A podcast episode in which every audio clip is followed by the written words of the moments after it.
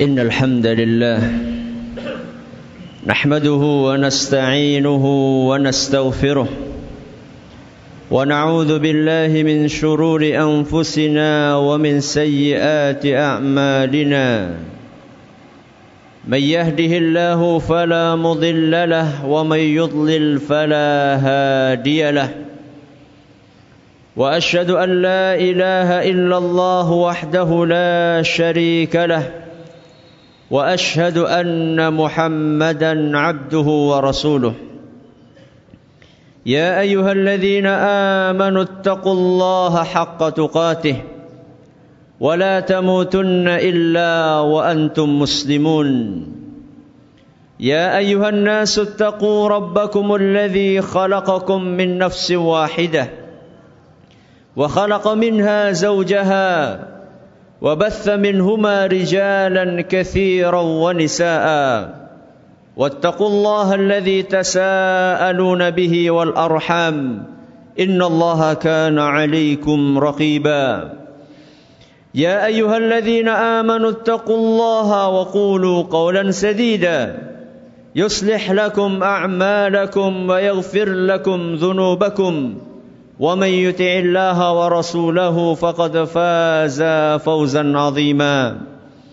أما بعد فإن أصدق الحديث كتاب الله وخير الهدي هدي محمد صلى الله عليه وعلى آله وصحبه وسلم وشر الأمور محدثاتها وكل بدعة ضلالة.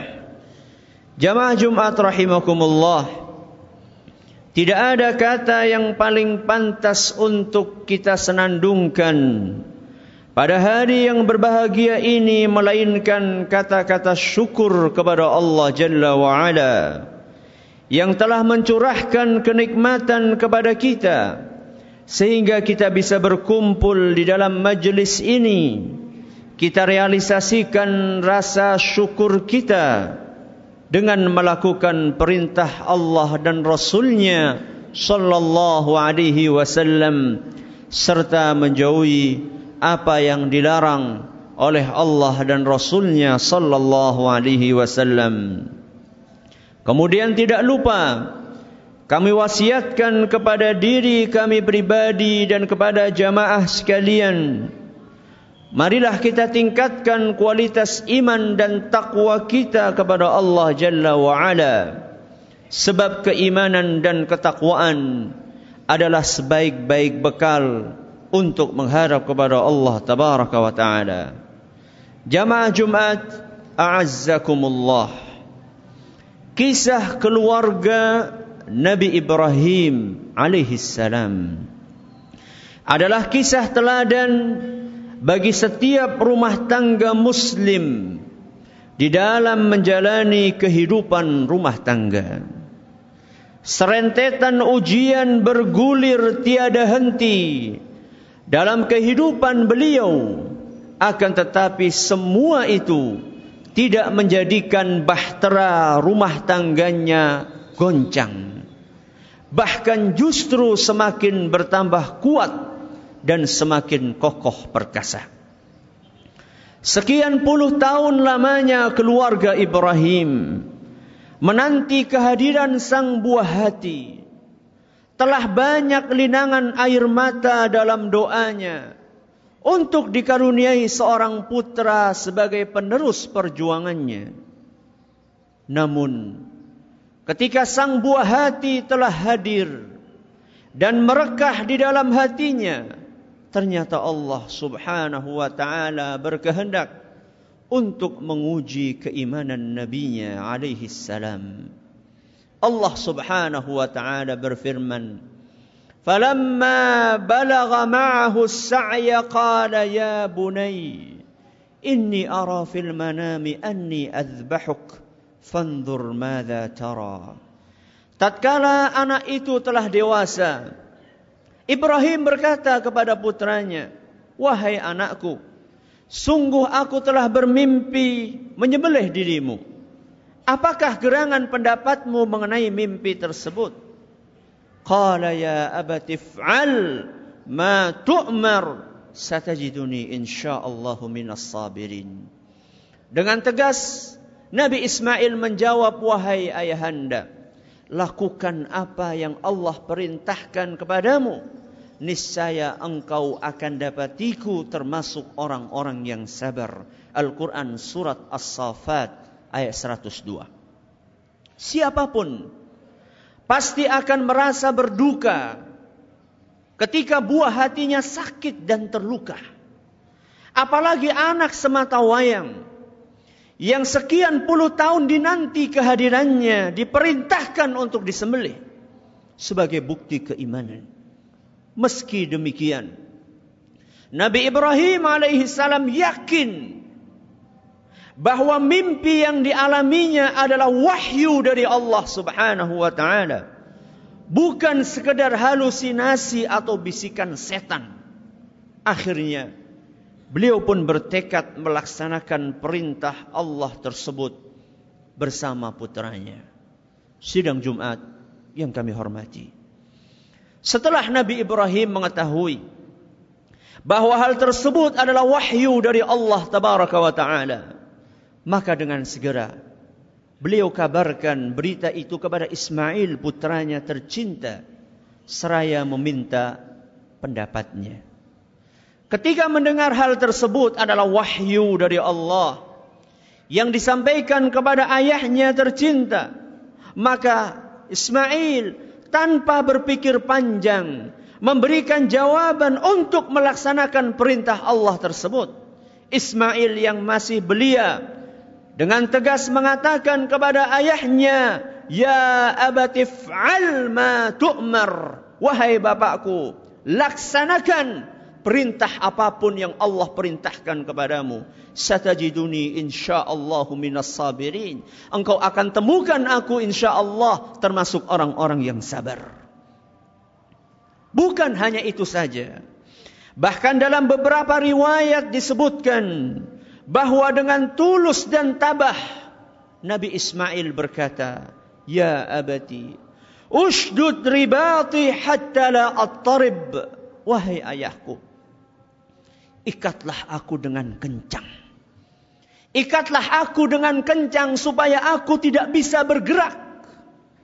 Waqfuf anni thiyabak hatta la yantadhiha 'alayha min dami syai' fayanqusa ajri wa tarahu ummi fatahzan. Wahai ayahku, sing-singkanlah lengan bajumu. Aku khawatir darahku akan mengotori bajumu. Aku khawatir hal itu akan mengurangi pahalaku. Dan aku juga khawatir nanti ibu akan melihat bercak darah di bajumu kemudian beliau bersedih. Ya abati, istahidda syafratak wa asri' marra sikini ala halqi liyakuna ahwan alayya fa innal mauta syadid. Wahai ayahku, asahlah pisaumu sampai tajam. Dan percepatlah gerak pisau itu di leherku agar terasa lebih ringan bagiku. Sungguh kematian itu sangat dahsyat. Wa idza ataita ummi faqra 'alaiha salama minni Andaikan engkau temui ibuku, sampaikan salamku kepada beliau. Wa in ra'aita an tarudda qamisi ala ummi faf'al. Andaikan engkau memandang ada baiknya engkau bawa bajuku kepada ibuku, bawalah bajuku kepadanya. Maka saat itu, dengan penuh haru Nabi Ibrahim alaihissalam menjawab, ni'mal aunu anta ya bunai ala amrillahi ta'ala. Wahai anakku, sungguh engkau adalah anak yang berbakti. Yang sangat membantu di dalam menjalankan perintah Allah subhanahu wa ta'ala. Para hadirin rahimakumullah. Sudah begitu banyak tulisan, ceramah, khutbah dan pengajian yang mengupas berbagai pelajaran berharga dari kisah keteladanan di atas. Namun ada satu poin. Ada satu poin yang setahu kami masih belum banyak dibahas. Apakah poin tersebut? Yakni adanya dialog, adanya diskusi antara orang tua dengan putra-putrinya di dalam menjelaskan perintah-perintah agama. Sebuah kebiasaan baik yang sering diabaikan di dalam kehidupan keluarga kita. Kalau anak-anak dahulu Detengoki saja sudah takut. Kalau anak sekarang capek mulut awak bercakap mereka tidak peduli. Begitu kira-kira komentar seorang ayah terhadap perilaku anak-anaknya. Apa yang dia ucapkan? Agaknya bisa mewakili pernyataan rata-rata orang tua.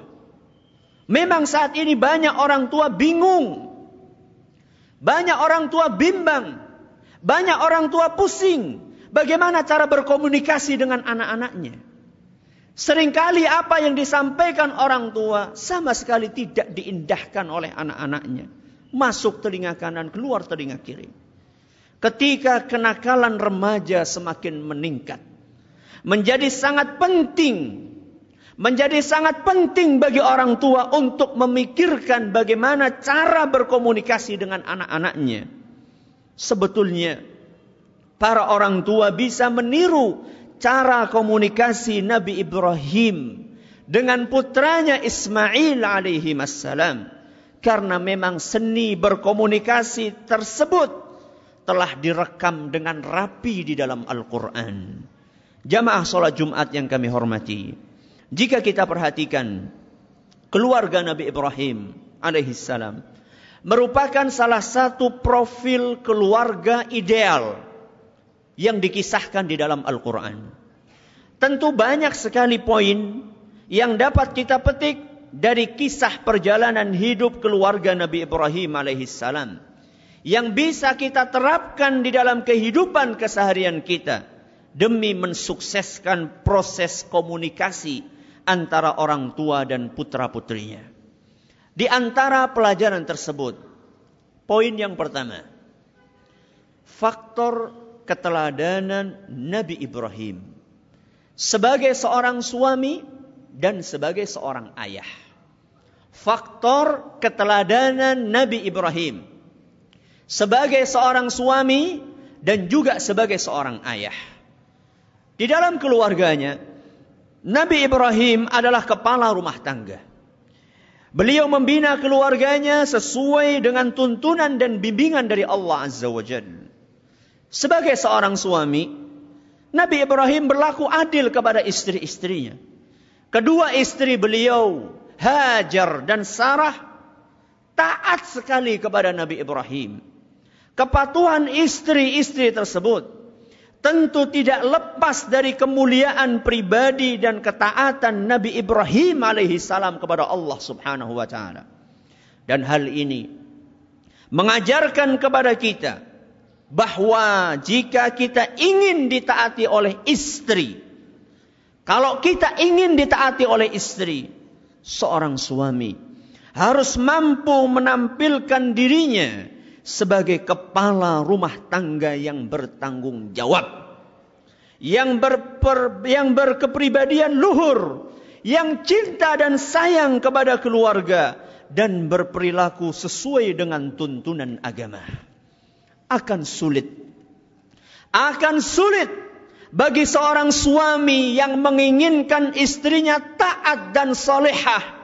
Sementara suami itu sendiri memiliki akhlak yang buruk. Akan sia-sia. Akan sia-sia jika suami lebih menginginkan istrinya berubah ke arah yang lebih baik.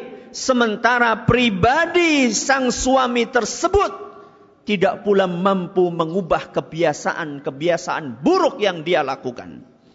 Sejatinya, ubahlah diri sendiri. Ubahlah diri sendiri maka Allah akan mempermudah jalan untuk mengubah orang-orang yang kita pimpin, termasuk anak dan istri kita. Itulah Ibrahim sebagai seorang suami. Adapun Ibrahim sebagai seorang ayah, Ibrahim sebagai seorang bapak, Maka Nabi Ibrahim alaihissalam tampil sebagai seorang pendidik yang penuh kasih sayang dan menjadi teladan untuk putra-putrinya. Nabi Ibrahim pernah membawa Nabi Ismail untuk membangun Ka'bah. Kemudian beliau tinggal di sekeliling Ka'bah. Nabi Ibrahim memberikan contoh secara langsung bagaimana cara beribadah kepada Allah bukan sekedar nasihat yang keluar dari lisan. Bukan sekedar mengajak anak salat, akan tetapi mencontohkan kepada anaknya bagaimana salat. Bukan sekedar mengajak anak untuk mengaji, akan tetapi ayah memberikan contoh kepada anaknya bagaimana berangkat mengaji beserta putra-putrinya. Bukan sekedar menegur anak ketika bermain game, akan tetapi ayah memberikan contoh kepada anak-anaknya bagaimana seharusnya menghargai waktu yang dia miliki. Upaya ini seharusnya kita teladani dari Nabi Ibrahim. Dengan konsisten kita berusaha untuk menjadi contoh yang baik bagi anak keturunan kita. Menjadi contoh yang baik bukan sekedar menceritakan contoh kebaikan. Jadilah contoh, bukan menceritakan contoh kepada orang lain. Poin yang kedua, adanya dialog kasih sayang antara orang tua dengan anak-anaknya. Perhatikanlah isi dialog di awal khutbah tadi. Ketika Nabi Ibrahim menjalankan perintah Allah untuk menyembelih Ismail. Di dalam dialog yang dikemukakan Al-Quran di atas. Terlihat Nabi Ibrahim alaihissalam sangat menyayangi anaknya. Dan beliau juga memberi kesempatan kepada anaknya untuk bertukar pikiran. Bukan sekadar memaksakan. Bukan menjadi seorang yang diktator di keluarga. Akan tetapi mengajak anaknya untuk bertukar pikiran. Untuk berdialog, untuk berdiskusi. Selain itu Nabi Ibrahim berharap Ismail bisa mengetahui dan sifat kasih sayang itu, sifat kasih sayang yang ada di dalam dialog Nabi Ibrahim tergambar di dalam pilihan kata yang dipilih oleh Nabi Ibrahim ketika beliau memanggil anaknya. Nabi Ibrahim menggunakan kata-kata ya bunayya. Ya bunayya, wahai anakku. Wahai ananda, anakku yang kusayangi. Penggunaan kata ya bunaya merupakan panggilan penuh kasih sayang kepada putra beliau Ismail. Dan di antara tujuan yang ingin dicapai oleh Nabi Ibrahim dalam proses komunikasi kasih sayang tersebut adalah bagaimana Ismail rela untuk dikorbankan. Selain itu, Nabi Ibrahim berharap Ismail mengetahui bahwa penyembelihan dalam tanda kutip itu adalah merupakan bentuk penghambaan kepada Allah Subhanahu wa taala. Dua target yang ingin dicapai oleh Nabi Ibrahim dalam komunikasi itu ternyata bisa berhasil untuk dicapai. Apa sebabnya? Selain taufik dari Allah, antara lain adalah karena adanya kesamaan pola keimanan antara ayah dengan anaknya, sama-sama beriman kepada Allah dan juga karena adanya kepercayaan dari Nabi Ismail kepada ayahnya Nabi Ibrahim karena Nabi Ibrahim pantas untuk dijadikan sebagai seorang teladan. Ismail percaya betul bahwa ayahnya tidak memiliki kepentingan pribadi kecuali semata-mata untuk beribadah kepada Allah dengan pemahaman seperti itu. Ismail juga harus mengerjakan perintah Allah karena Ismail juga mengaku dirinya sebagai seorang hamba Allah. Maka jangankan mengajak untuk kebaikan yang menguntungkan secara lahiriah ketika diajak untuk mengorbankan nyawa sekalipun Ismail rela tanpa banyak protes kepada ayahnya. Namun tentu kita berhak untuk bertanya, adakah upaya lain? Adakah upaya lain yang dilakukan oleh Nabi Ibrahim sehingga putranya bisa sepatuh itu? Jawabannya ada. Dan itulah poin yang ketiga. Poin yang ketiga yang bisa kita ambil dari perjalanan kehidupan Nabi Ibrahim dan keluarganya adalah adanya untaian doa. Adanya untaian doa. Seluruh proses kesuksesan proses pendidikan yang dilakukan oleh Nabi Ibrahim semuanya itu tidak terlepas dari doa. Kemudian usaha dan keteladanan yang dilakukan oleh Nabi Ibrahim alaihissalam. Al-Quran telah mengabadikan doa Nabi Ibrahim. Rabbi habli minas salihin. Rabbi habli minas salihin. Wahai Rabbi, karuniakanlah kepadaku putra-putri yang saleh, yang salihah, keturunan yang saleh dan salehah. Al-Quran surat As-Saffat ayat 100. Dan hal ini mengajarkan kepada kita agar senantiasa memperbanyak doa kepada Allah agar anak-anak kita saleh dan salehah. Anak adalah amanah. Anak adalah amanah, tapi ingat dia juga bisa menjadi fitnah. Karena itu berdoalah. Berdoalah, memohonlah kepada Allah, berlindunglah kepada Allah agar kita diberi kekuatan dan kemampuan untuk mendidik generasi yang saleh dan salehah sehingga mereka tidak berubah menjadi fitnah yang merugikan kita semua. Poin yang terakhir adalah poin yang keempat. Memilih calon ibu yang baik. Memilih calon ibu yang baik. Doa harus diiringi dengan usaha. Usaha itu bisa berupa antara lain yang ditempuh oleh Nabi Ibrahim adalah memilih jodoh. Hajar. Ibunya Ismail adalah sosok wanita yang dihiasi dengan keimanan yang teguh. Akhlak yang mulia dan taat beragama serta patuh kepada suaminya. Usaha seperti inilah yang dicontohkan di dalam Al-Quran. Banyak orang di zaman ini Ketika memilih pasangan dia terlalu silau dengan penampilan luar seseorang. Yang dilihat hanya postur fisiknya. Hanya mobil yang dipakainya. Hanya rumah yang dimilikinya. Hanya luasnya tanah yang dimilikinya. Hanya itu yang dilihat. Kemudian dia lupa keimanan yang dimiliki oleh orang tersebut. Padahal Allah di dalam Al-Quran menegaskan bahwa seorang budak seorang budak hitam yang beriman jauh lebih berharga dibandingkan seorang musyrik sekalipun dia menarik hati. Wala tankihul musyrikati hatta yu'min. Jangan sekali-kali kalian menikahi wanita musyrik sampai dia beriman. Wala amatum mu'minatun khairun min musyrikatin walau a'jabatkum. Sungguh seorang budak wanita lebih berharga, lebih terhormat dibandingkan wanita musyrik sekalipun dia menakjubkan hatimu. Al-Quran surat Al-Baqarah ayat 221. Karena itu, andaikan kita menginginkan anak yang saleh dan salehah, mulailah dari memilih jodoh yang baik. Jika istri yang dipilih biasa mengabaikan perintah Allah, salat lima waktu sering diundur-undur, larangan-larangan Allah dia abaikan, bagaimana mungkin seorang wanita seperti itu bisa mendidik anak yang saleh dan saleha? Bukankah ibu adalah guru pertama buat anak-anaknya? Barakallahu li wa lakum fil Qur'anil azim. Wa nafa'ani wa iyyakum bima fihi minal ayati wadh-dhikril hakim.